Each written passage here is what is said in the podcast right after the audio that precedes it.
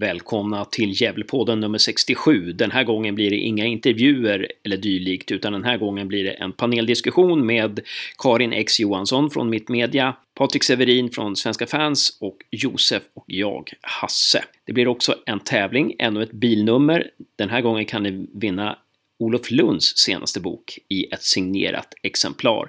Den tävlingen kommer precis på slutet. Vad ska vi mer säga? Vi ska gratulera damerna som ligger på andra plats efter 3-2 borta mot Rimbo och överraskande så fick Bollstanäs bara en poäng mot Bele. Så nu är GIF bara en poäng ifrån serieledningen. Det är härligt. Bra jobbat!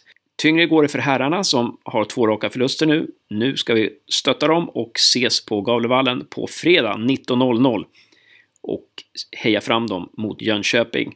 Sen på lördag, dagen efter, så kan ni se damerna hemma mot GUSK, gamla Uppsala SK. Vad ska vi säga mer? Jo, att Heve som driver Waynes Coffee på Drottninggatan 4, ni vet det Waynes som ligger snett mittemot Galleria Nian mellan O'Learys och Helga Trefaldighet. Waynes Coffee på Drottninggatan 4 i Gävle ger 20% rabatt till alla Gävle-medlemmar. Så att gå på Waynes fika. Ja, det var väl det. Då är det bara att eh, se fram emot eh, matcher fredag, lördag för herrarna respektive damerna. Och sen är det bara att ta för er att lyssna på den här podden. Håller ni inte med eller håller ni med så är det bara att mejla oss på Gävlepodden gmail.com. Ni får gärna stötta oss också genom att bli Patreon. Gå in på patreon.com Gävlepodden och stötta oss. Vi kommer snart göra en chatt på Patreon med en giffare som ni har beställt. Ni Patreons har önskat alltså. Tjingeling!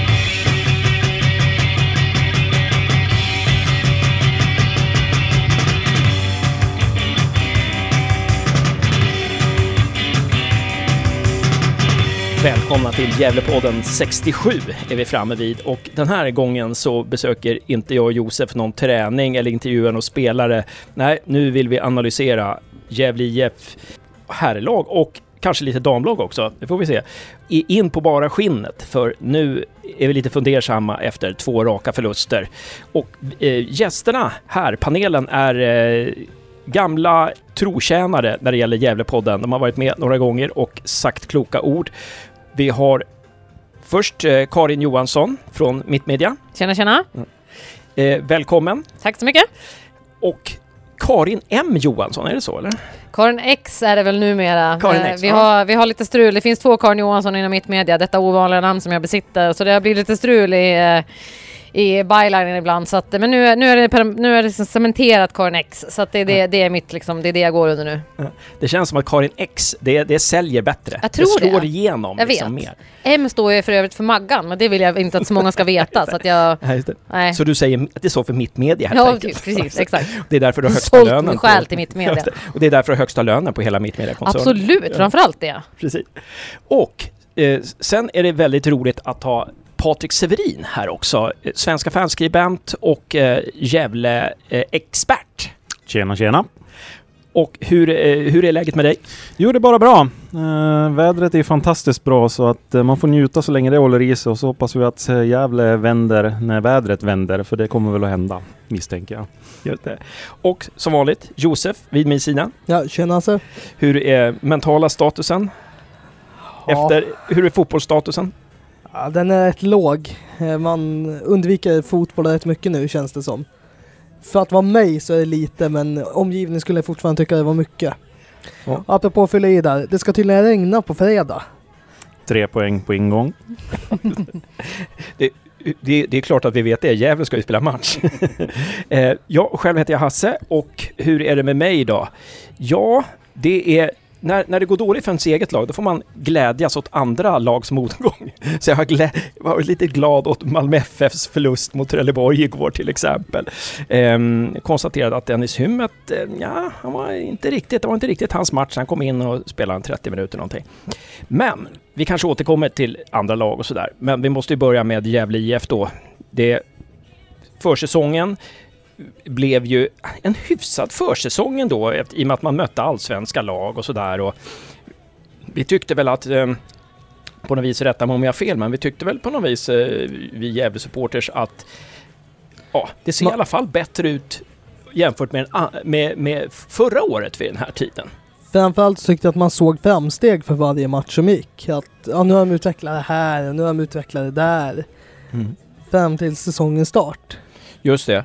Ja, men det, det, såg hyfsat bra ut där och vi mötte ganska många bra lag och eh, vi tänkte att vi kommer inte vara så spelförande kanske mot allsvenska lag och sådär. Vi fick spela 2-2 mot Dalkurd och vi gjorde en bra match mot Sirius och, och så vidare. Och sen så Sen var det ju så att vi, vi begick en premiär mot Värnamo och vi hade, vi vann den matchen och det var väl det som liksom förlät ganska mycket. Vi, vi hade, jag tror inte vi vann bollinnehavet till exempel och vi, vi var lite utspelade faktiskt i, i ja, slutet av första halvlek och sådär. Eh, och sen så sen fick vi åkt på en käftspel mot Brage och sen så mot Degerfors hemma, det var väldigt märkligt där. Vi, vi hade inte bollen och sen kom två, sen kom två ganska bra bortamatcher och tänkte man, nej men nu är vi på gång här, nu är vi på gång. Men sen, vad är det som har hänt? Alltså det, Halmstad hemma och Örgryte borta. Alltså det, det, känns som att helt plötsligt så, så eh, vet jag inte vad som har hänt. Det, det en, vi, vi spelar avvaktande och eh, vi, ja, vi har blivit utspelade långa stunder av både Halmstad och Örgryte. Alltså var befinner sig Gävle IF nu någonstans? Vad, vad, säger ni? Om ni, någon vågar sig kasta sig in här. Var, var befinner sig Gävle IF nu? Ja, eh, om vi börjar med försäsongen där, precis som du säger, så mötte vi väldigt bra lag. Men det känns som att vi har fastnat eh, i samma spel, fast vi möter sämre lag nu eh, i serien. Att vi har det här eh, djupa försvarsspelet och försöker kanske kontraslå mer, precis som vi gjorde under försäsongen. Eh, och där tror jag att eh, ja, vi har fastnat för mycket. Vi måste få in en annan attityd i, i, i, laget igen och inse att vi är minst lika bra som motståndarna är. Eh, så att, eh, ja det känns som att vi, vi liksom går på lite tomgång i anfallsspelet och fokuserar mer på försvarsspelet och försöka få det att sitta. Känner jag i alla fall. Ja, och just som du säger här med att eh, eh, eh, jag hörde några från Gävle sa, om det var Mjällby, som sa efter matchen, ja vi har mött topplag nu och några fans fick också liksom förklara, vi har mött topplag, men då tänker jag herregud, det är ju superettan vi spelar i ändå. Det är ju inte, det är ju inte, det är inte Champions League, det är ju inte allsvenskan och, och Örgryte höll ju på att åka ur förra året och eh, jag vet inte, liksom, hur ska man förklara det här? Liksom? Jag tänker lite på det Patrik sa om att de hade mött allsvenska lag på försäsongen. För det sa Johan under presskonferensen, eller om det var efter presskonferensen på Degerfors, att eh, man måste välja spår nu och man ska fortsätta köra det spel man gjorde på försäsongen i, i och med att de fick försvara väldigt lågt i alla matcher där, eller om de skulle försöka bygga ett eget spel. Och då blev det ju fel att man la in en extra träningsmatch mot Sirius och Sundsvall då man inte fick någon chans egentligen på att träna på sitt egna spel förutom mot eh, Team Torén. Syrianska också Och kanske. Syrianska. Ja, Syrianska. Då, det var väl då vi ställde upp med typ U21-laget. Ja. Var det väl. Ja. Mm. Men vad, vad, säger du Karin liksom om den här säsongen? Var, var befinner sig Gävle någonstans egentligen? Men det är väl lite det man undrar också. Är, man har ju lite... Det har varit alla, det alla minns ju förra säsongen hur turbulent, hur turbulent det var eh, och alla de, eller många av de som kom in förra säsongen, de försvann ju även till den här säsongen. Så att det är ju återigen en lite av en nystart. Mjällby är ganska färsk. Det här är första gången han är upp på den här nivån som huvudtränare. Visst, han har varit i Celtic och Bolton som, eh, som assisterande, men nu har han liksom helt tränaruppdraget på egen hand. Han, eh, ja men även han testar väl sig fram också och det, ja men man vet inte riktigt själv. Man svajar lite, att, att man har lyckats liksom knipa två segrar. Eh, man, har, man, man, måste komma ihåg, de har ändå mer poäng nu än vad de hade förra året i, långt ner i maj när Thomas Andersson fick kicken. Så att på så sätt så är det väl eh, ändå fortfarande att man tror på det hela på något vis. Jag tror att det kan förändras på något vis. Men samtidigt så um, jag vet faktiskt inte vart de befinner sig. Det är det som är så svårt. Jag tror att de själva inte riktigt heller vet. Um, det är, eh, det är många saker. Man, man, men som, vi, som ni pr- pratade om, att man vet inte riktigt vad man, vilket spel man ska, man ska ha. Ska man, ska man ha hög press? Ska man ha lågt försvarsspel? Hur ska man spela egentligen? Ska de vara bollförande? De vill ju vara bollförande. Det har ju Mjällby gått ut och sagt. Jag, vi vill, vi, jag vill att vi ska spela den fotbollen. Men bevisligen så har ju det inte funkat. Inför Halmstad-matchen så Halmstad har gjort tre mål innan de mötte GIF. Och sen dubblar man på det mot GIF. Så... Eh, ja, och sen Örgryte, visst, men Örgryte är ju i hysterisk form nu, så att man får dyngstryk där med, med 3-1, med där två av målen är straffar och ett, ett flaxmål på en klack. Ja, det går väl att diskutera. Jag, som sagt, jag har inte sett den matchen, så jag kan inte riktigt säga hur utspelade de var. Det kanske ni kan flika in. Men eh, ja, vart är de? Det vet jag inte. Eh, det vet de nog inte själva heller. Det är intressant det där du säger med, Johan Mjällby, han är ganska orutinerad. Tror du att det, som tränare, Mm. tror du att det jag menar, Poja hade ju trots allt vunnit serier och sådär. Han har ju, och Poja har ju bara varit tränare. Han var ju tränare sedan han var 12 år. Han har ju liksom... Ja. Men, men, men Johan Mjällby, han är en ikon på fotbollsplanen. Tror du att det kan bli en krock för honom? Att det kan bli svårare för honom? Att, för att han har ju ändå en slags status som han måste leva upp till. Kan det bli svårt då att vara tränare och liksom bli avklädd då och då? Uh, jag tycker det där är intressant. Jag tror att många som kanske tittar på Gävle IF tänker, när man tänker Johan Mjällby, men då tänker man som du säger på den här ikonen, landslagskaptenen, härföraren som han var, um, oöm fotbollsspelare som liksom aldrig la någonting i kläm. Men ehm, man får ju liksom försöka skilja på fotbollsspelaren Johan Mjällby och tränaren Johan Mjällby. Eh, och för att liksom citera Dennis Hymmet, vem är Johan Mjällby? Han har ju ingen aning om vem det var när Nej, han precis. kom. Precis. så att den yngre generationen kanske jag vet, inte, jag, vet, inte- jag vet helt ärligt inte hur stor koll typ Kralj och de här, de kanske, de kanske hade stenkoll på honom, det vet jag inte. Men eh, man får ju tänka att ja, men han, hans genomgång kom 98. De flesta är född 98, typ. Precis. Så, så att, eh, ja, jag vet inte hur stor koll dagens ungdom, ska man säga, eh, har på Johan Mjällby. Så det kanske är mest vi som tittar på som tänker, oh, eh, Johan Mjällby, liksom, för att det är ju ett jättestort namn. Jag tycker att eh, Ja, jag tycker att, det, att det, han är intressant. Det är kul att han är här på något vis. Men samtidigt som sagt, Uh, Nej, för att svara på den frågan som var om det ligger honom i fatet eller Ja, vad? just det. Att, att, Ja. att han kan känna lite tryck så här. Att, Mm. att, att, att han måste ha svar på allting. Han måste lyckas och när det inte lyckas så måste han liksom hitta en förklaring till det som ligger utanför honom själv på något vis. Att Mm. Det kan bli svårt för honom att säga ja, jag gjorde ett skitdåligt jobb. Eh, Jag vet inte vad vi håller på med. Eller att det Det var jätteroligt om man skulle säga så. Jag tycker det var jättekul faktiskt. Precis, precis. Jag tänker lite som här, eh, de är ju lite närmare min ålder. Jag är också Mm. född 98. Och alltså när vi snackade med Sarkovic, Mm. så vi, han visste ju direkt vem det var.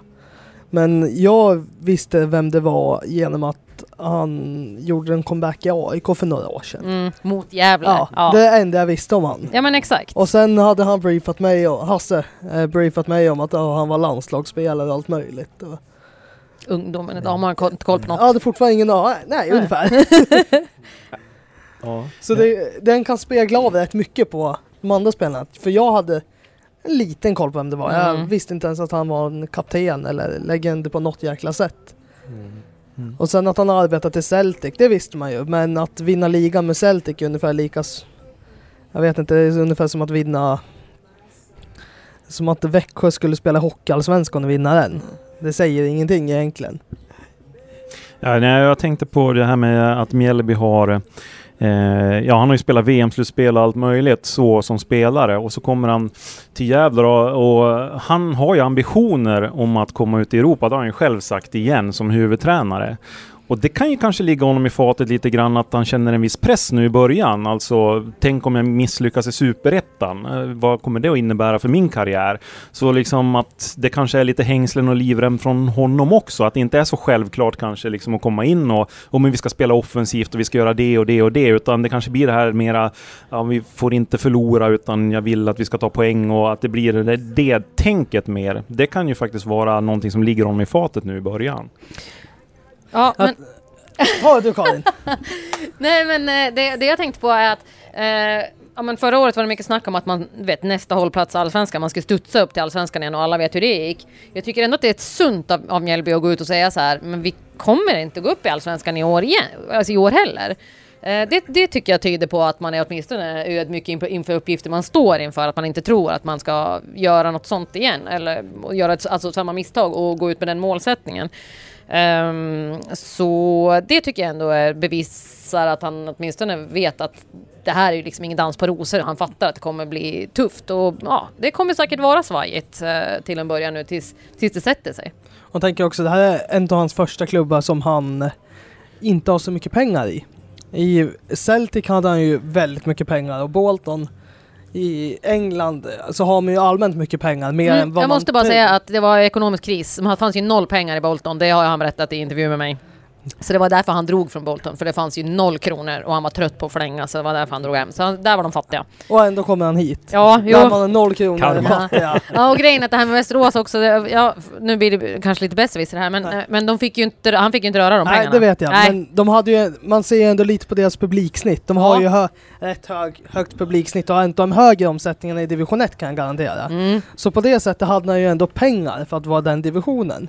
Men nu kommer han till superettan där han inte ens har pengar för att vara i divisionen. Mm. Å andra sidan har ju Gävle en ganska hög budget om man jämför med andra superettanlag. Okej, vi kan inte jämföra oss med Halmstad och, och, och Örgryte och, och Helsingborg, och kanske Jönköping, men många av de här andra, Varberg spelar ju 2-2 mot AFC här nu och var precis lika bra som AFC, hade Mm. mycket väl kunnat vinna den matchen. Och de har ju lägre budget än vad vi har. Alltså, så att, Många i Brage jobbar ju. De Mm. tränar klockan tre varje dag. Det är bortskämt att, att träna liksom 10.30. Det är ju få superettanlag som tränar 10.30 som GIF gör. Så att på så sätt är det ju GIF väldigt mycket mer professionellt på det sättet. Men, men samtidigt så, men de, jag hörde dem prata idag. För, jag vet inte hur mycket man får, ja, det får jag avslöja, det säger jag att jag får. Jag tjuvlyssnade ju när de stod och pratade, att Mjällby mm, pratade med grabbarna idag på träningen och att hur mår ni? Är ni slitna? Jag var jättesliten och har sovit jättedåligt. För att de åker så långa, kommer hem klockan sex varje morgon efter de har åkt buss långa turer liksom, från Göteborg. Kom hem sex i lördags morse och så blir det du vet, ja, men dygnsrytmen förflyttas så att det är inte så jävla glamoröst att spela i Superettan. Det tär mycket på dem. Mm. Så att, ja. Jo, Johan Oremo sa ju i vår intervju här nu i, i, efter, efter Halmstad-matchen så sa han ju att det är mycket, alltså det är hårt spel. Det är fysiskt krävande att spela i Superettan. Det är mer fysiskt än i Allsvenskan. Det tyckte jag var väldigt intressant alltså. Men tror ni, det här med, med ehm, Johan Mjällby då. Tror ni att de som värvade Johan Mjällby nu, om det nu var Lagerström som tog in honom, tror ni att Gävle IF var lite så här starstruck? Att man hellre vill, man gick på ett namn än att man tänkte att nu ska vi ha liksom en, en bra tränare. Ja. Ja. Jag tror verkligen det. Mm. Jag tror det. Eh, han, Johan är väldigt karismatisk. Han snackar bra. Han är, han är, man frågar en fråga, sen svarar han tio minuter, så sitter man bara och lyssnar och är så här perfekt. Ehm, men eh, så på så sätt tror jag att verkligen att han kan skärma omkull folk. Lagerström var nog eh, lite förtjust tror jag. Mm. Ja. Ja. Jag, jag har alltid tagit honom för raka motsatsen. Jag tycker han är, har noll karisma. Känns som att han svamlar allt han säger. Man, man ställer en fråga, man kan knappt få svar på det. Och visst, eh, någonstans i den där 10 minuters som man alltid får, så finns det något guldkorn här och där. Som journalist kan jag förstå att det finns alltid något att skriva om. Ställa en fråga så har du en artikel. Underbart. Men som när, om man ställer en fråga om varför försvarar ni på det här sättet? Då får man tre olika utläggningar om de två tidigare matcherna. Ja, vi har gjort så här och så här. Och det här fungerar, det här fungerar inte. Men man får aldrig något riktigt svar, tycker jag. Mm. Ja, nej, precis som Karin sa, jag är också helt övertygad om att man tog in Mjällby för att det är ett namn. Eh, på grund av att man hamnade i en situation man hamnade med Poja. Eh, för Poja hade ju byggt upp ett namn här. Och tar man då in en ny Poja så att säga, som börjar om från noll, då blir det ju väldigt jobbigt för hela föreningen. Så därför så sökte man säkert efter ett starkt namn. Eh, och sen Ja, Mjällby, det är ju ett varumärke som sagt. Vi som är lite äldre, för oss är han ju en ikon kan man ju säga. Eh, landslagskapten och så vidare. Så jag tycker som Karin att han har pondus. Eh, det har han definitivt. Eh, men ja, vi får se hur det blir i slutändan. Det, det man ska komma ihåg också, det kryllar ju inte av tränare på, på marknaden. Det, det ska bli intressant att se nu apropå tränarbyten och Malmö, hur vad ska de hitta när sidledsdan har tagit över nu tills vidare. Um, så att det fanns kanske inte jättemånga att, att, att välja mellan, plus att man gärna ville ha ett namn snabbt. Eh, för försäsongen var på väg att dra igång och man visste inte riktigt vad som skulle hända. Så att det, det är klart, jag förstår ju, och det var väldigt lämpligt att de gick i samma kurs, eh, Lagerström och Mjällby. Så att, ja, men du vet, ja vi tar väl den här då. Så att, Jag tänker, du har varit inne på massa olika tränarnamn. Som att Brage tog in Kleber Sarenpää. Särenpää och du brukar alltid ha en utläggning om dina tränare, så ta den nu. Och mina tränare. Ja, nej, men, ja, men jag tycker att... Ja, jag, jag vet inte vad, vad du syftar på där. Vad, vad är det jag brukar säga? Du brukar alltid säga att det finns tränare i, i lägre divisioner, för i ungdomslag i klubbar. Ja. Jag tycker det var intressant med Kleber Sarenpää som de plockar från Hammarbys U19 eller U17 eller vad det var. Eh, det, det, tycker jag, det tycker jag är starkt liksom att, att ta en tränare därifrån. Det är ju en, jag har ju träffat honom en gång och jag tycker att han liksom han, han, han utstrålar någonting. Han, han, när han pratar fotboll så tänker man wow, den här tränaren kan mycket. Eh, och, och kanske ja, att man skulle ha letat lite till, jag vet inte. Eh, eh, det här kan ju bli jättebra kanske. Och jag, jag ska säga det att jag ska också säga det här med Johan Mjällby att när jag, jag, jag tycker så här att oj, vad säger han nu för någonting när vi intervjuar? Men sen lyssnar jag om intervjun och säger wow, vad många saker han sa här då. Det var, jag, jag, tycker, och jag tycker det är lite spännande med honom för att han kan, han kan faktiskt säga saker som ingen annan skulle ha vågat säga heller. Han kan säga lite så här att på, när vi intervjuade honom i Vippen sa han ja, det här fick han ju inte reda på. Det sa inte Per Lagerström att det inte fanns några pengar inte. så här, ja, det- Nej. Ja, så, oh, precis. Så här, man så här, det sa inte Per Lagerström. Ehm, ja, jag var i Västerås där och då, då hade man inga pengar när jag var där. Han, kan han, lay it on the line liksom. Ja. Det, det, det tycker jag är li, lite intressant alltså. Men, Lite också som att ni alla förstår hans karisma. Det är väl bara jag som inte tycker att Men det kan ju också vara så här lite att vi är också lite starstruck, det är kanske är det. Men jag tänker så här, om man skulle ha en ge- fotbollsgenomgång med han, eller om man skulle ha en genomgång och det är så att man fattar efter man har haft samtalet, hur givande är det då? Fotbollsmässigt, om man ska ha en tak- taktisk genomgång och man fattar det efter det har varit, alltså långt efter det har varit. Ja. Det blir ju någonstans fel, för Ja. där var ju Poja jäkligt bra i att man fattade direkt vad han var ute efter och han var väldigt tydlig i allting. mm. Poja lärde oss väldigt mycket. För man, man, man blev väldigt... eh, Ja, men vi Han ska... hade ju svar på allting. Han hade svar på allting. Men, men jag tänker också så här, Johan Mjällby är oerfaren tränare. Eh, det är ett väldigt ungt lag.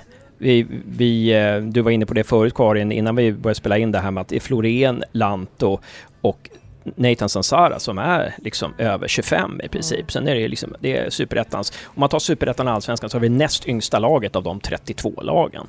Eh, och då har vi en ganska oerfaren tränare, ganska oerfaren assisterande tränare. Är det är det, det som är... Ska, borde vi ta in någon erfaren tränare som bollplank eller? Vad säger ni? Mjällby han sa ju till dig i någon intervju att han hade blivit lovad en till assisterande tränare Just det. när han skrev på. Men sen när han hade väl skrivit på så kom det fram att de inte hade några resurser till det. Så det blev inte av. Men säkert var det något, fanns det någon tanke bakom det att få in en till komplement, en lite mer rutinerad person. Mm. Ja, då har vi pratat Mjällby. Om vi ska fortsätta, om vi ska liksom prata spelsystem nu då. Jag menar, vi har ju då efter Poja, när Poja kom så kom han till Örgryte-matchen. Vi förlorade den matchen, men som du har varit inne på Patrik, att trots att vi förlorade den matchen så gick så tyckte spelarna det var kul att spela och publiken gick därifrån liksom med, med högt huvud på något vis. Och wow, vad är det här, sånt här spel? Det var modigt och det var faktiskt innan alla de här nyförvärven kom. Vi hade, vi hade Hymmet i och för sig, men annars så var truppen mot Örgryte då när vi, när vi gick ner på trebackslinje och spelade otroligt hög press. Eh, den, den var egentligen sämre än den trupp vi har nu, den startelva vi, vi kan ställa upp med nu. Och i alla fall likvärdig kan man väl säga. Men nu spelar vi ju, och vi skulle vara spelförande lag, men nu, nu har vi ju liksom börjat, eh, vad säger man, dubba på det. Nu har vi, eh, tubba på det säger man. Nu har, man liksom, nu har vi liksom sålt bort det och börjar med något helt annat eh, som ser ut som zonförsvar, drar sig tillbaka eh, och eh, på kontringar och eh, ja, senaste matchen var vi varken bra framåt eller bakåt. Eh, och inte mot Halmstad heller. Liksom. Vad, vad, vad säger ni? Spelsystem här? Vad, vad, vad håller vi på med? Ja, eh, Poja kom ju in och ändrade hela attityden i Gävle. Och det gjorde ju han på typ en träning. Eh, det var ju väldigt negativt innan och det känns som att vi har kommit tillbaka till det här negati negativa tänket. Att vi, vi måste försvara oss. Eh, det är mer fokus på det. Medan Poja mer vill att vi skulle diktera villkoren. Inte nödvändigtvis genom att hålla bollen jättemycket, men mer att vi sätter press på motståndaren i vissa lägen och, och sådana saker. Nu tycker jag vi backar hem typ hela tiden. Eh, matchen mot Degerfors var ett väldigt bra exempel, för då, då startade vi med... Det var ju första matchen Leo gjorde från start. Och Piotr och Nej, Leo... Bra, bra snömatchen. Ja, just det. Ja. Brage. Men första hemmamatchen. Ja, Ja. precis. Första hemmamatchen då, då startade Leo och Piotr uppe på topp tillsammans med Adam. Och det syntes så tydligt första 3-4 minuterna. De låg uppe i motståndarnas backlinje hela tiden. Och då var Florén och Kralj som spelade wingbacks då. Men efter fem minuter, då var både Kralj och Florén nere i backlinjen och Piotr och Leo spelade som yttermittfältare och Adam var helt själv på topp. Och så såg det ut hela den matchen. Och då funderar man varför, varför kan vi liksom inte klara av att hålla upp det vi säger att vi ska göra? Utan det bara går några minuter och så sjunker vi ner och blir liksom negativa i tänket. Är det spelarna som inte vågar eller är det tränarna som vill att vi ska spela på det sättet? Jag är osäker på det. Jag har inte fått någon klarhet i det. Men när man har hört Mjällby i vissa eh, intervjuer efter matcherna så säger han att ja, men vi blir för passiva. Vi blir för passiva. Vi ska inte ligga så lågt. Men då ställer jag mig frågan varför agerar inte Mjällby på sidan? Jag hör ingenting från honom när jag sitter på läktaren. Liksom att trycka upp laget 20 meter eller gör någonting i alla fall. Ja, jag skulle hellre se att vi förlorar matcher och vågar någonting. Alltså, det, det är liksom mod. Jag menar, he, hellre än att liksom gå in och bli utspelade och, och eh, liksom bli, bli, bortrullade, så, så känner jag liksom ut och våga. Visa mod, upp med hakan liksom. Attackera. Vi är ju inte, vi, det här är ingen dålig trupp med superettan mått mätt alltså. Titta på Varberg mot AFC alltså. Det var, det var inte be om ursäkt inte. Utan vi har, som Varberg har en trupp som är värd 5 miljoner och AFC en som är värd 30 miljoner. Ändå går de in och liksom, och här ska vi, den här matchen, vi är lika bra. Eh, men det, det känns som att ja, modet, jag vet inte om det är modet hos tränarna som gör att modet hos spelarna sänks. Jag vet inte vad, vad det här handlar om. Ehm, Nej, kan det vara en självförtroendefråga? Eh, det, det vet jag faktiskt inte. Men för, som sagt, man pratade om inför Halmstad-matchen att man skulle våga hålla i bollen och det, det jag tyckte, det, det jag slogs av mest i Halmstad-matchen var att det var så extremt slarvigt. Det var otroligt mycket enkla misstag. Det var passningar som satt överallt utom foten på, på, på medspelarna. Jag tyckte det var jag vet inte alls varför det, varför det såg ut som det gjorde. Det var mycket märkligt. Uh, och sen vet jag inte riktigt här. Um, det här med, nu har ju Adam spelat, Adam Bergmark Wiger eh, spelat liksom nästan själv på topp med Hosni lite bakom honom så. Uh, visst, nu har Erik Törnros varit skadad länge. uh, men jag skulle tycka att det var intressant att se Törnros som en target player och, och Adam som en djupledsspelare så. Eh, mm. Ja, nej, alltså Adam är ju helt felutnyttjad enligt mig i, år. Alltså, han ska ju spela med näsan mot målet och inte ryggen mot målet. För han är ju absolut ingen targetspelare. Och liksom, det förstör ju så mycket för honom och hans utveckling också. Liksom att bli helt avskärmad uppe på topp mot två som, ja, Halmstad, två jättemittbackar som liksom, han är ju chanslös där. Så man förstör ju hans utveckling också genom att spela på fel position helt enkelt. Jag tycker definitivt man ska utnyttja hans extrema löpstyrka. För han springer ju oavbrutet i 90 minuter. Ja. Eh, Det syns ju så extremt tydligt. Eh, Norrbyspelarna var ju helt slut Mm. när han fick springa och så mycket som han gjorde i den matchen. Eh, De var ju helt färdiga. Ehm, Han ska ju ha bollen framför sig hela Exakt, tiden. exakt. Inte liksom så att han får stå med ryggen mot mål och försöka ta emot och spela tillbaka till mittfältet, för det är inte hans spelstil. Jag tänker man förstår ju även, även för laget och andra spelares utveckling när man slår långt på Adam och aldrig lyckas låsa fast bollen högt. mm. Man, ja, hela laget måste vara jävligt bra på att träna för, på att vara träna ut sina försvarsspelsegenskaper men offensivt får vi inte ut någonting man ensam på topp. Och jag hade någon till sak men den har jag glömt. Och Törnros, man får ju tänka så här. Mjällby sa efter eh, Halmstadsmatchen när vi pratade med honom att ja, jag har inte spelat så mycket matcher. Det är matcher man får tillbaka bolltouchen.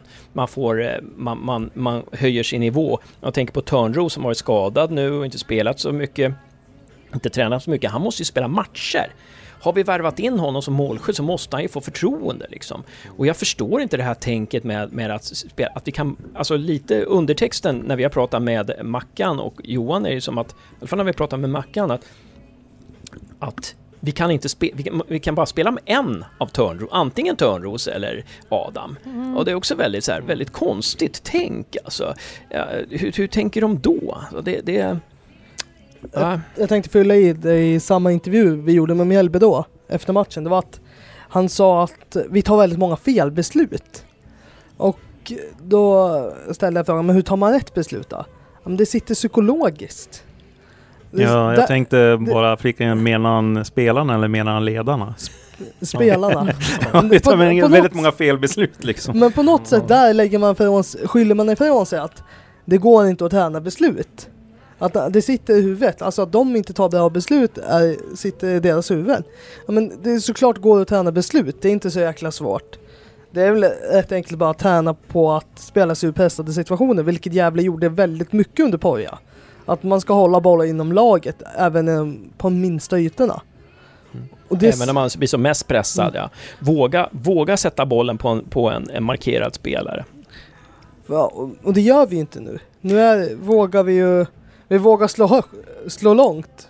Ja, man väljer den enkla vägen ut, men samtidigt så är det ju också så att om man tittar på hur Gävle spelar, när man spelar med ett lågt försvarsspel, som Gävle gör nästan hela tiden, och så tänker man på hur Gävle vill anfalla. Var ska bollen komma någonstans eh, innan man ska komma till avslut? Jo, den ska ut till antingen Piotr eller till Kralj. Och då måste vi förstå att de börjar ju i backlinjen. När vi mm. bryter bollen så har de väldigt långt fram för att komma för att slå det där inlägget. Och skillnaden är om de låg ett steg högre upp i plan redan när vi bröt bollen, mm. då kommer vi ju snabbare fram. Mm. Så att eh, det blir, alltså tittar man på hela vårt anfallsspel, hur många målchanser skapar vi egentligen i första halvlekarna? Det är ju när vi ligger under med 2-0 som vi ofta kan skapa någonting när motståndarna börjar backa hem. Mm. Men vi får så enormt långt upp till motståndarmålet när vi bryter bollen, när vi ligger så lågt. Hur många gånger har vi brutit eh, motståndarna på deras plan halva ja, år? Precis. Jag kan inte minnas, en, det har säkert hänt, men jag kan inte minnas att ja. det har hänt. Ja. Och sen är det också lite konstigt så här, efter två raka nollor så har vi mm. sex insläppta på två matcher. Visst, två är straffar, en är väl väldigt diskuterad. Alltså, eh, första straffen mot Örgryte kanske inte är straff, men det är inte vår straff heller. Så. Nej. Men ändå, vi, helt plötsligt så, för att försvarsspelet var väldigt bra, man var väldigt nöjd där efter guys matchen kände att bra, nu sitter försvaret, nu behöver vi bygga på anfallsspelet. Och sen två matcher senare sitter vi här och bara, ingenting fungerar. Ska man gå tillbaka då? Det, det undrar man ju. Ska man gå tillbaka till det som var så tryggt, eller tryggt, men det man gjorde så himla bra mot både Norrby och Gais uh, och kanske fokusera på det igen uh, eftersom det bevisligen inte har funkat det man nu förändrade efter det, om man nu gjorde någon förändring. Men det, bevisligen har det hänt någonting. Mm. Jag, jag, tycker det är märkligt det här att vi, vi kör ju trebackslinje och det är en ganska offensiv uppställning. Har man en trebackslinje då måste man ju pressa högt och vinna många andra bollar. För att annars så, det blir ju väldigt svårt om en trebackslinje hela tiden blir pressad. Så, så då, då kommer ju wingbacksen att falla ner och sen så får man ju får man ju inget anfallsspel eh, och så vidare. Och så vidare. Så att, jag menar, där, ska, vi, ska, vi, ska vi dra oss tillbaka och köra zonförsvar som under Thomas och Pelle? Då lär vi nog eh, gå tillbaka, då kan vi inte ha trebackslinje tycker jag. Alltså, då måste vi tillbaka till fyrbackslinje och, och ja, spela därifrån. För trebackslinjen, det är ju en ganska offensivt och då ska ju backlinjen också vara med i uppspelen. Ehm, ja, och så vidare och så vidare. Men nu känns det som, jag vet inte vad, det, det, jag hamnar i något väldigt konstigt. Och sen så känner jag att både mot Halmstad och mot Örgryte, så de spelar igenom oss så lätt. Alltså det, det var lite som, alltså mot Halmstad, det var ju nästan som Värnamo 2017 eh, revisited alltså. Det, vi, vi, är tillbaka där, vi, vi står i våra zoner, mm. men inte så mycket mer. Vi är inte aggressiva. Och när jag pratade med Christian Gärde som var tränare för Värnamo, då han sa nej men alltså Gävle spelar ju alldeles för passivt. Vi kunde mm. göra vad vi ville alltså. Vi, vi fick ju ha boll och, vi, och det, så var det ju för Halmstad också. Att det, de kunde göra vad de ville och det, så var det för Örgryte också. När man ser dem, vi står i våra zoner men de spelar ju, de spelar ju, de spelar ju liksom triangeln i, i vårt straffområde. Det är nästan som att Gävle inte har fattat att det är superettan på något sätt. Att alla snackar om att det är den fysiskaste serien. Gävle spelar inte tillräckligt fysiskt just nu. För att, av, jag vet inte, kunna utmana de andra lagen.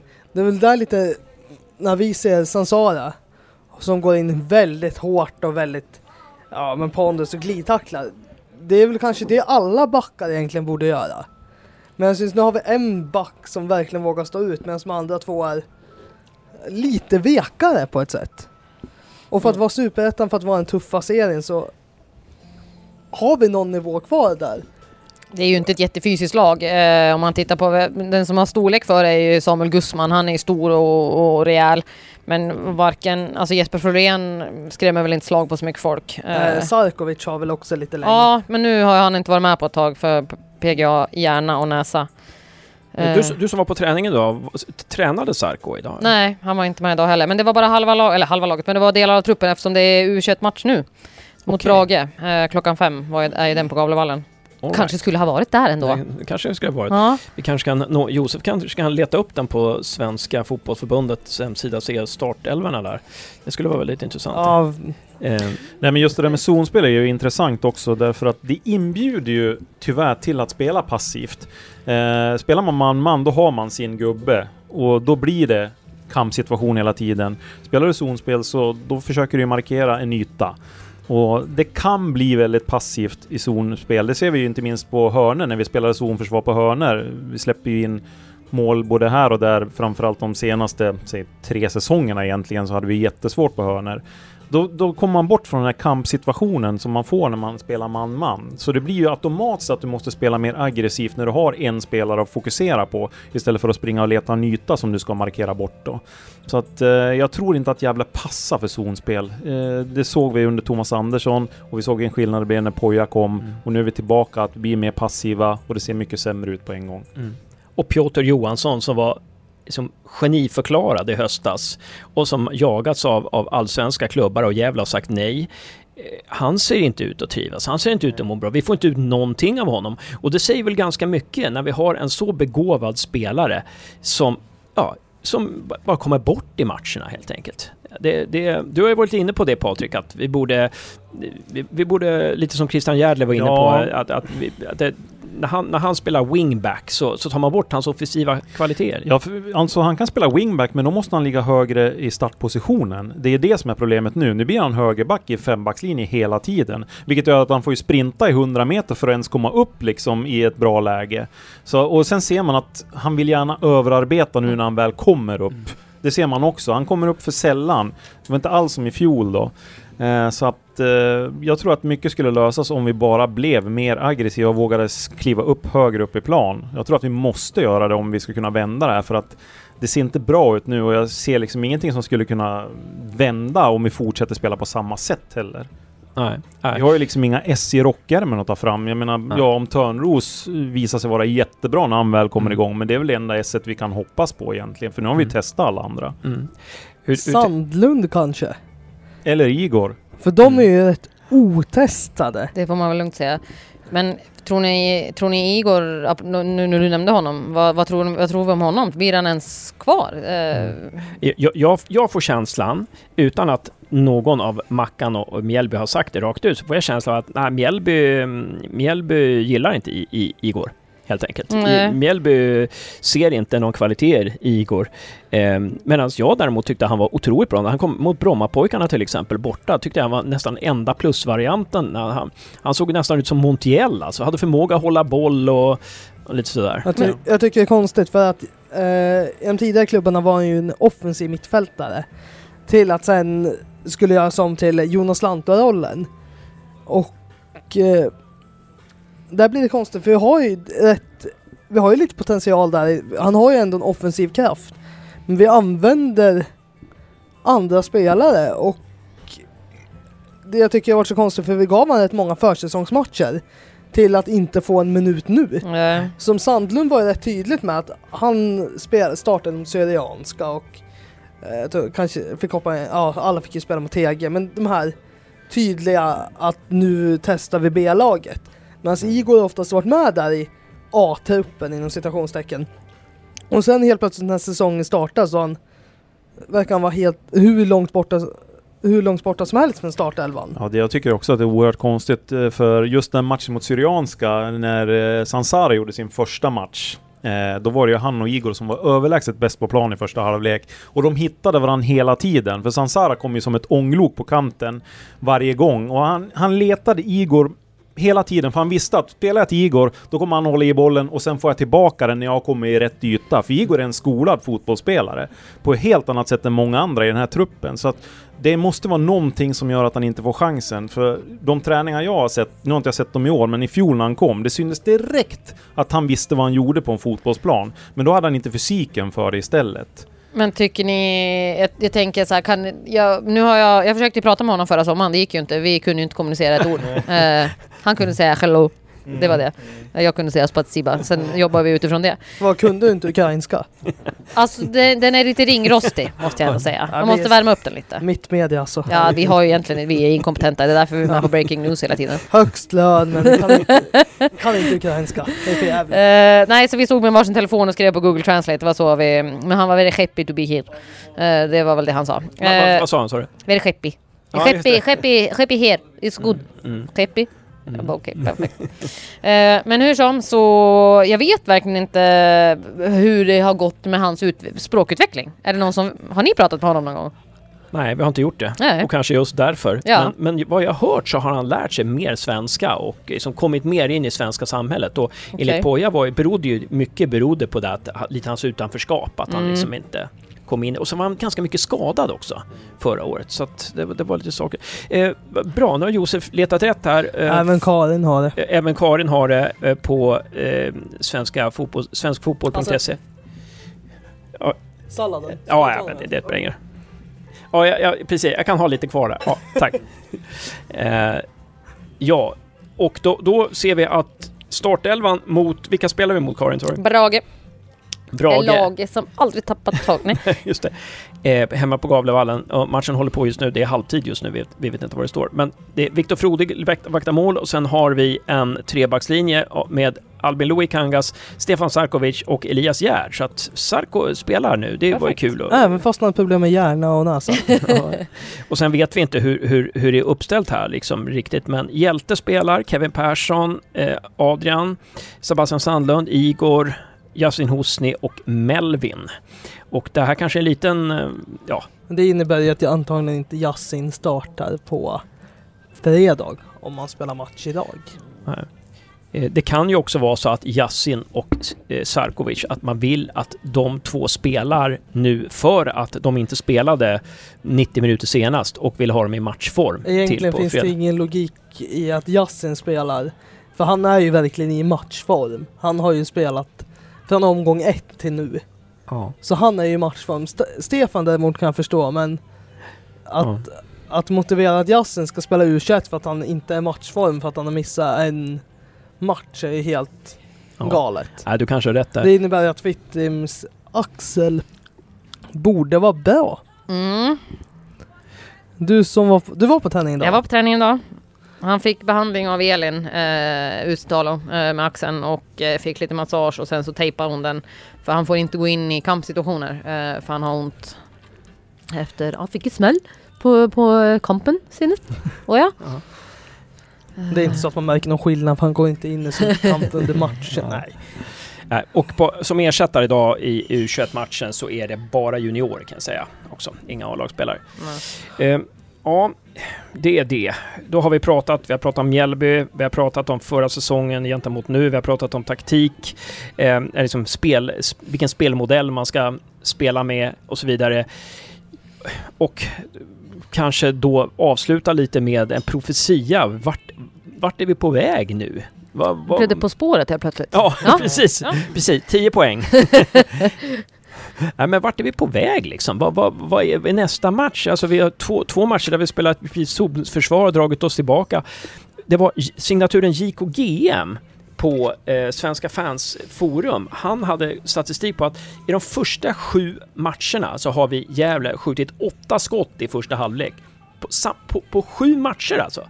Totalt är alltså? Totalt! Oj då. eh, skott på mål. Och, och eh, ja, alltså det, det... Jag tycker det ser... Jag, jag, jag brukar säga när jag har svårt att sova brukar jag ligga och tänka så här, nu ska jag ligga och tänka på fotboll. så i natt hade jag lite svårt att sova, fan, kunde inte sova ändå. För Du får ligga och fem räkna öre. skott. Jag låg liksom, och vred mig, jag tänkte fan vad skönt det ska bli att prata med, med eh, Karin och, och Patrik och Josef idag för att prata bort min ångest. Nej, men vart är vi på väg liksom? Jag är lite orolig alltså för helheten för Gävle IF nu. Alltså man har ju... Vad budgeterar man med för publiksnitt? 2000. 2000. Vad kommer vi att hamna om vi fortsätter så här? Eh, har Mm. 1 och 8 var det väl? Nej, budgeterar för 2000.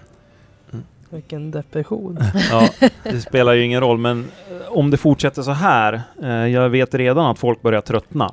Mm. Det, och det är mest oroande för mig, att vi snart sitter med en Swish-kampanj igen om vi inte gör någonting eh, tydligt på, på planen. För att jag tror inte att styrelsen när man anställde Johan Mjällby eh, såg att det skulle se ut på det här sättet. Men sen vet man ju inte vad Mjällby har fått för eh, direktiv av styrelsen heller. Det kan ju vara håller kvar i Superettan till alla pris. Det kan ju vara så Mm. också. Men... eh, Kvalplats i bonus. Ja, ja precis. Men men fortsätter det så här så kommer vi att märka snart att vi har en ny ekonomisk kris i Gävle IF. Det är jag mest orolig för och då tycker jag, precis som du sa Hasse innan, att det är bättre att våga. Alltså förlora, men förlora med flaggan i topp istället för att förlora med flaggan på halvstång som vi gör just nu. Det måste, vi måste börja i den änden. Annars kommer det här att sluta illa. Mm. Karin?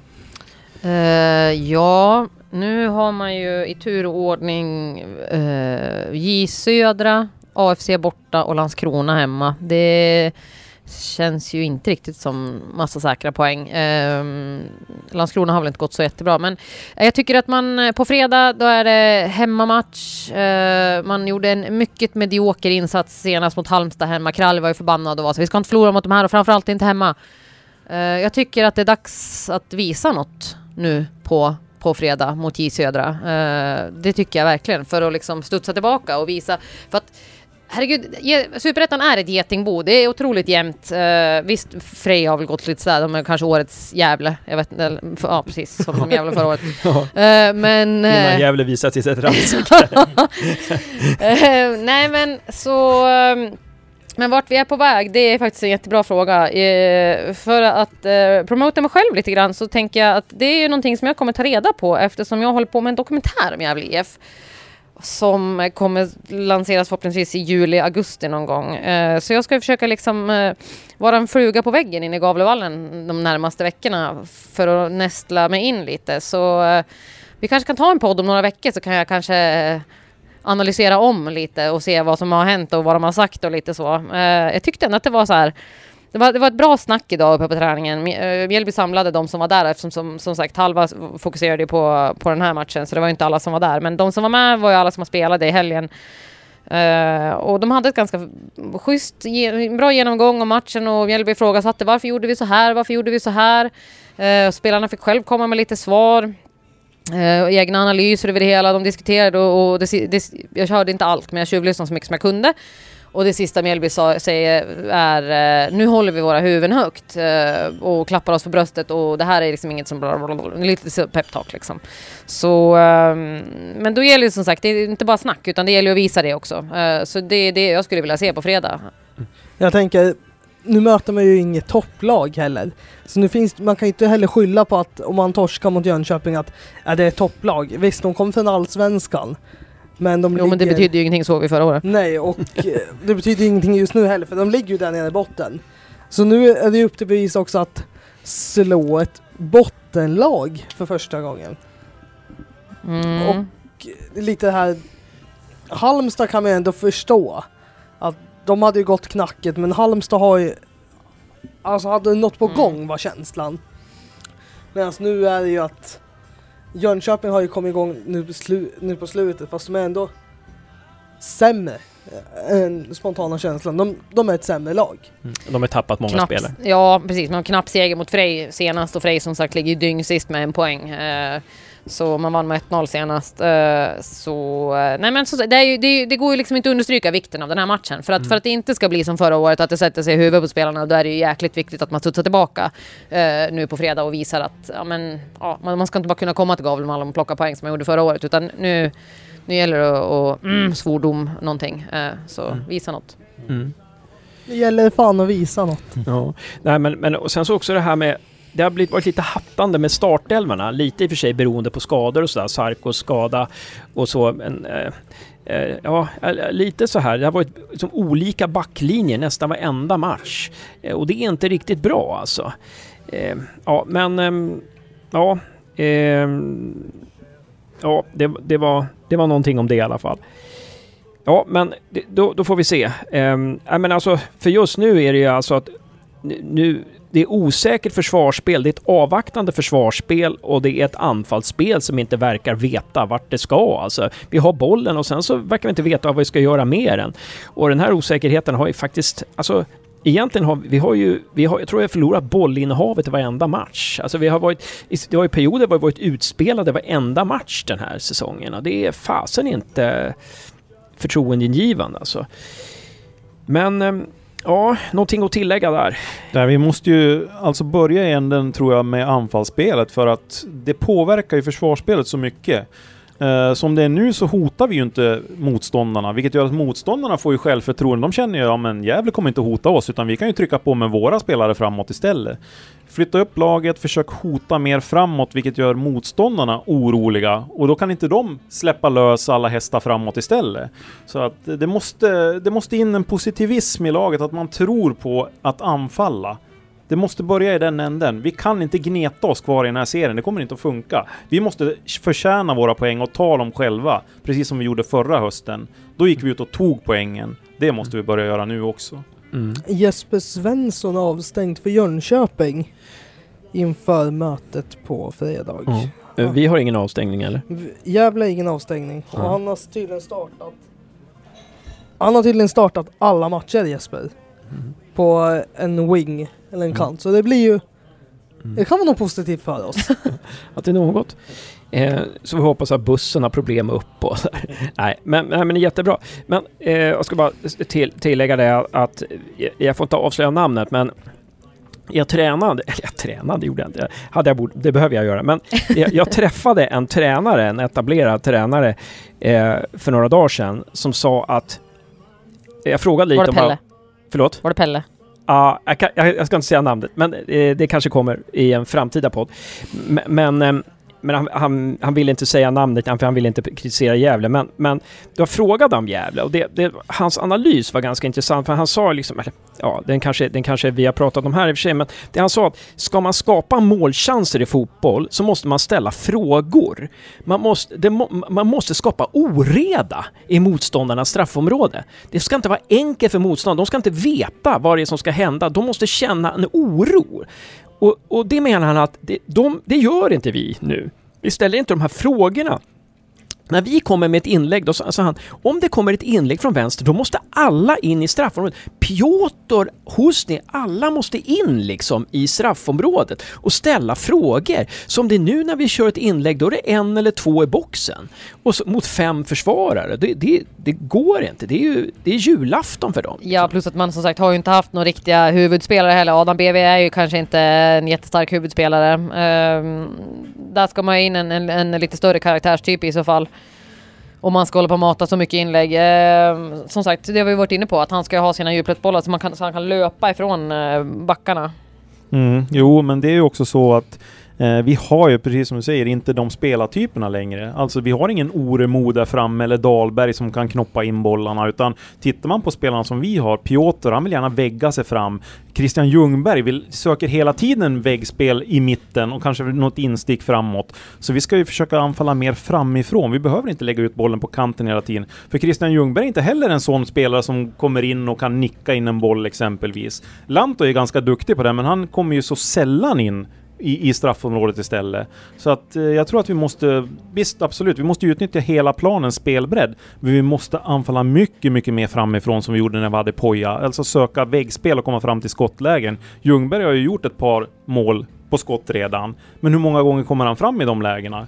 Vi måste ju sätta oss i de lägena också. Det är konstigt att vi väljer att spela det här anfallsspelet på det sättet vi gör. Med massa inlägg när vi verkligen har eh, spelarmaterialet till det motsatta om man väl vill spela med inlägg, ja men starta med Törneros längst fram och var tydlig med det. Men man kanske borde inse någonstans att när han har varit skadad och man Adam startar de första matcherna att man ska ha ett annat anfallsspel. För att, som du säger, man utnyttjar ingenting av det vi har. Ingen kvalitet på våra bästa spelare. För Piotr är vass offensivt. Ljungberg är otroligt vass offensivt, men det är inga huvudspelare. De är ju bra med fötterna, samma sak med Kralj, otroligt bra med fötterna. Så utnyttja deras spel längs marken. Och dessa eviga inlägg längs backen som inte går till någon. Jag tror att det var... Jag såg Örebro för någon omgång sedan. Möte, jag kommer inte ihåg vilket lag de mötte. Då var det att de slog en sån här crossboll längs backen, rakt igenom. Då visste alla att om de två första spelarna missade, då finns den på bortre stolpen. Och där kom han och slog in den i, om det var Besara som drog in den i bortre. Medan Gävle, de har... Ja, vi vet att det kom en kort, en, ett inlägg längs marken. Och vi vet att vi har en gubbe, två gubbe, men vi har inte den sista gubben längst bort. Som alltid ska vara där. Och det är så konstigt att man inte fått med någon tanke i det när man ser att de inläggen är väldigt lyckade. Men man sätter inte alls upp något anfall för att kunna lyckas själv med det. Ja, ja det, det är intressanta synpunkter. Eh, vi får se vad, vad, vad som händer på fredag mot Jönköping. Eh, det, vi har pratat lite innan, här snack, eh, innan vi började snacka här också att en, en bra tränare gör spelarna bättre. En, en, dålig tränare får ut mindre av bra spelare och så vidare. Nu är det upp till bevis för, för Mackan och Mjällby här vad, vilka slags tränare man är. Det som, jag ska bara säga också att den här tränaren som jag pratade med plussade Leo Bengtsson väldigt mycket och sa att här finns det otrolig potential som Gävle inte har fått ut. Exakt, Utan. för jag tyckte att, förlåt, mm, äh, han, äh, när han kom och gjorde matchen mot Brage där, de första, första matchen där, det går inte att dra någon jätteanalys av den matchen med tanke på att hur mycket snö det var. Men äh, där syntes det direkt att han kom in med, med liksom, ja men, ett driv. Det var ju otroligt kul att se han och Kralj på vänsterkanten, hur, hur de kunde hitta varandra. Jag tycker han har försvunnit lite de senaste, han blev väl utbytt mot Örgryte ja, nu senast ja. också. Ja, jag tycker att han har tappat lite och inte, som, du säger, som han säger, den här tränaren, eh, den okända.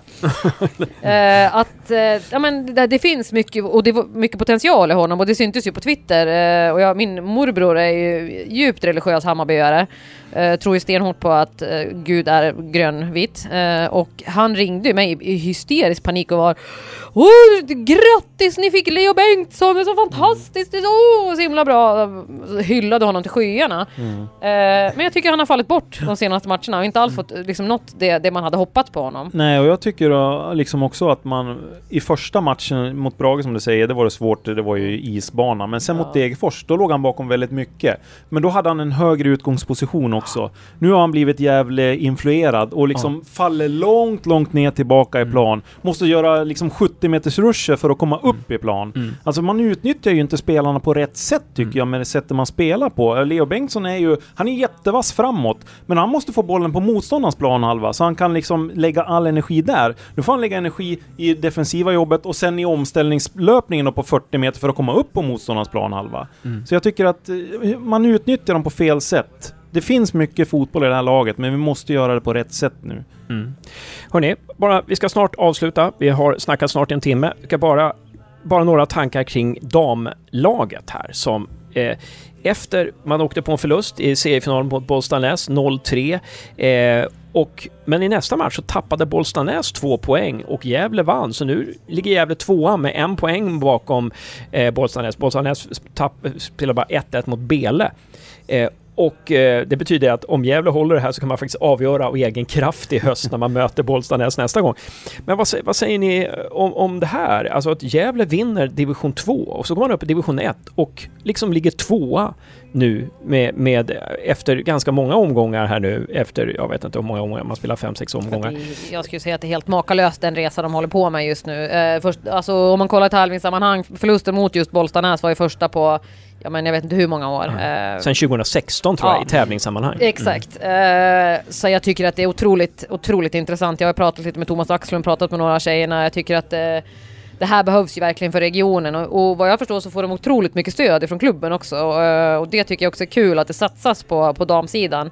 Jag tror att det skulle vara jättenyttigt för damfotbollen i, i Gästrikland att ha ett, ett, ett, lag på så, på så hög nivå som GIF är just nu. Um, och jag tror att de har, om de fortsätter den här satsningen uh, så tror jag att de har alla möjligheter att, att liksom kliva högre upp till elitettan uh, inom, en, inom ett eller två år alltså. Mm. Ehm, jag tycker det är, det är otroligt imponerande det de har gjort. Mm. Och, och, jag kan ju inflika där, om jag inte är helt fel underrättad så ligger väl SEF trea efter Gävle i serien också? Ja, det gör de. Ja, det och det visar ju att kvaliteten på Gävle och Sandviken som gick upp verkar ju vara väldigt hög och det är väl bara Bollstanäs då som är riktigt, riktigt bra kanske som blir svåra att slå. Men ja, fortsätter man satsningen då så bör ju kunna gå upp ytterligare en serie då. Men det ser ju även någonting att de två största klubbarna i distriktet satsar på även damsidan och då ser man ju direkt vad som händer om man ger tjejerna rätt förutsättningar. Så mm. jag tycker att det är ett ganska tydligt, tydligt tecken. Mm. Och väldigt, väldigt kul också. Mm. Jag tycker också väldigt spännande att det GIF gör på damsidan är ju väldigt mycket det, GIF, det gamla GIF var på här sidan att det är samma spelare som har spelat med varandra länge. Börjar i börjar division 3, division 2 och bara klättrar. Ja, division 3 mm. och bara klättrar, vinner, vinner. Och det, det var det här det GIF var bra på förr. Att de hade samma stomme i laget och klättrade.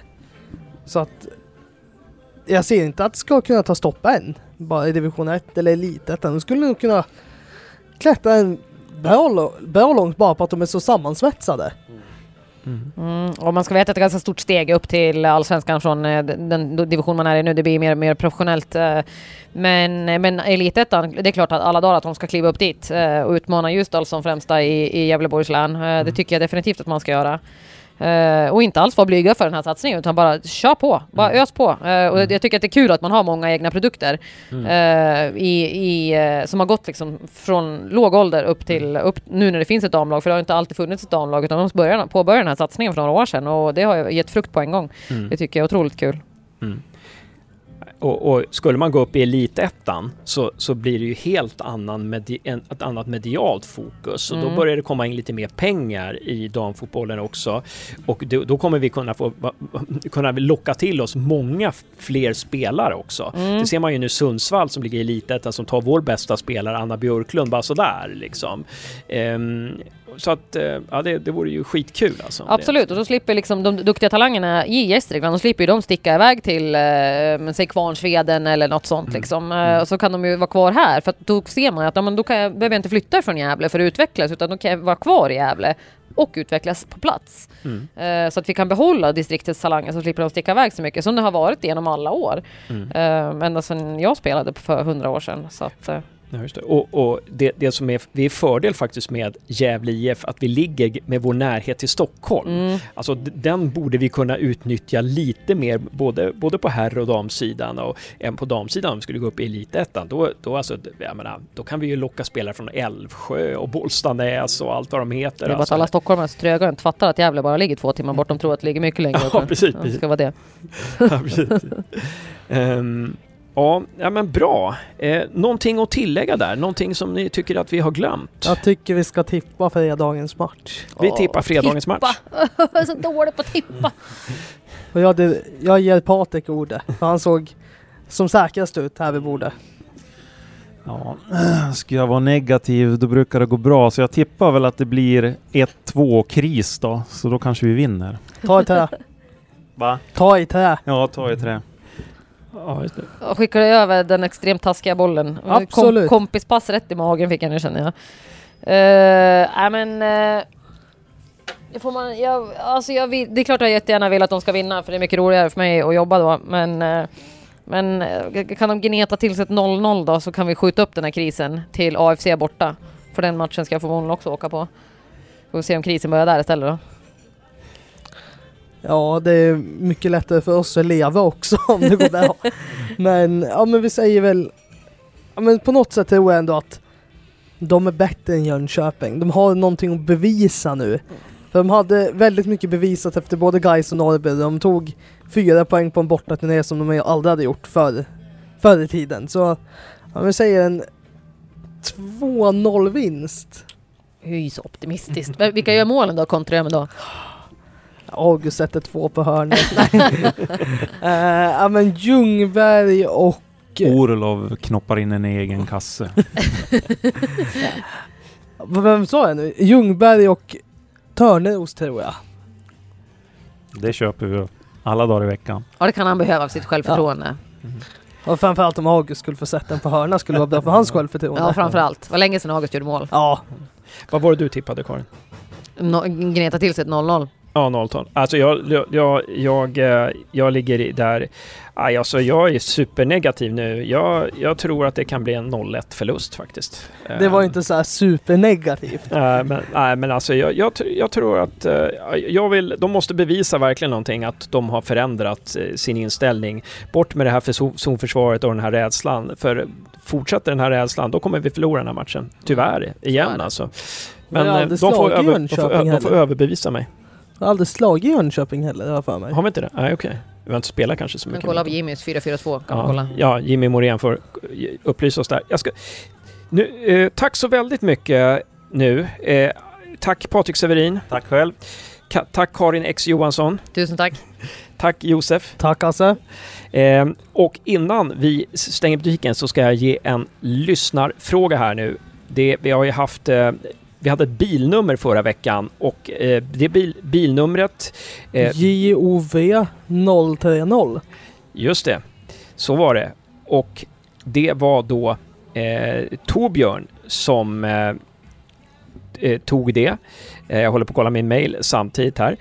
Eh, det var Torbjörn Högberg som tog att det var Jakob Orlov och 030. Det stod för att han gjorde mål efter 30 sekunder mot Halmstad. Ja, nu kommer jag inte ihåg årtalet, men det kan ni googla ni allihopa. Eh, nu kommer ett nytt bilnummer som ni, och ni kan vinna då. Ni som vinner, ni vinner Olof Lunds senaste bok, signerad. Olof Lunds senaste bok, signerad. Eh, tack för att du lyssnar på Gävlepodden, eh, signerat Olof Lund. Och ni ska då klara av bilnumret DZH 012. DZH 012. Och ni som tar det bilnumret, ni mejlar in till Gävlepodden att snabela, nej, Gävlepodden snabela gmail.com. Första rätta svaret vinner Olof Lunds bok, får den med posten. Tack för att ni lyssnar. Vi hörs nästa vecka.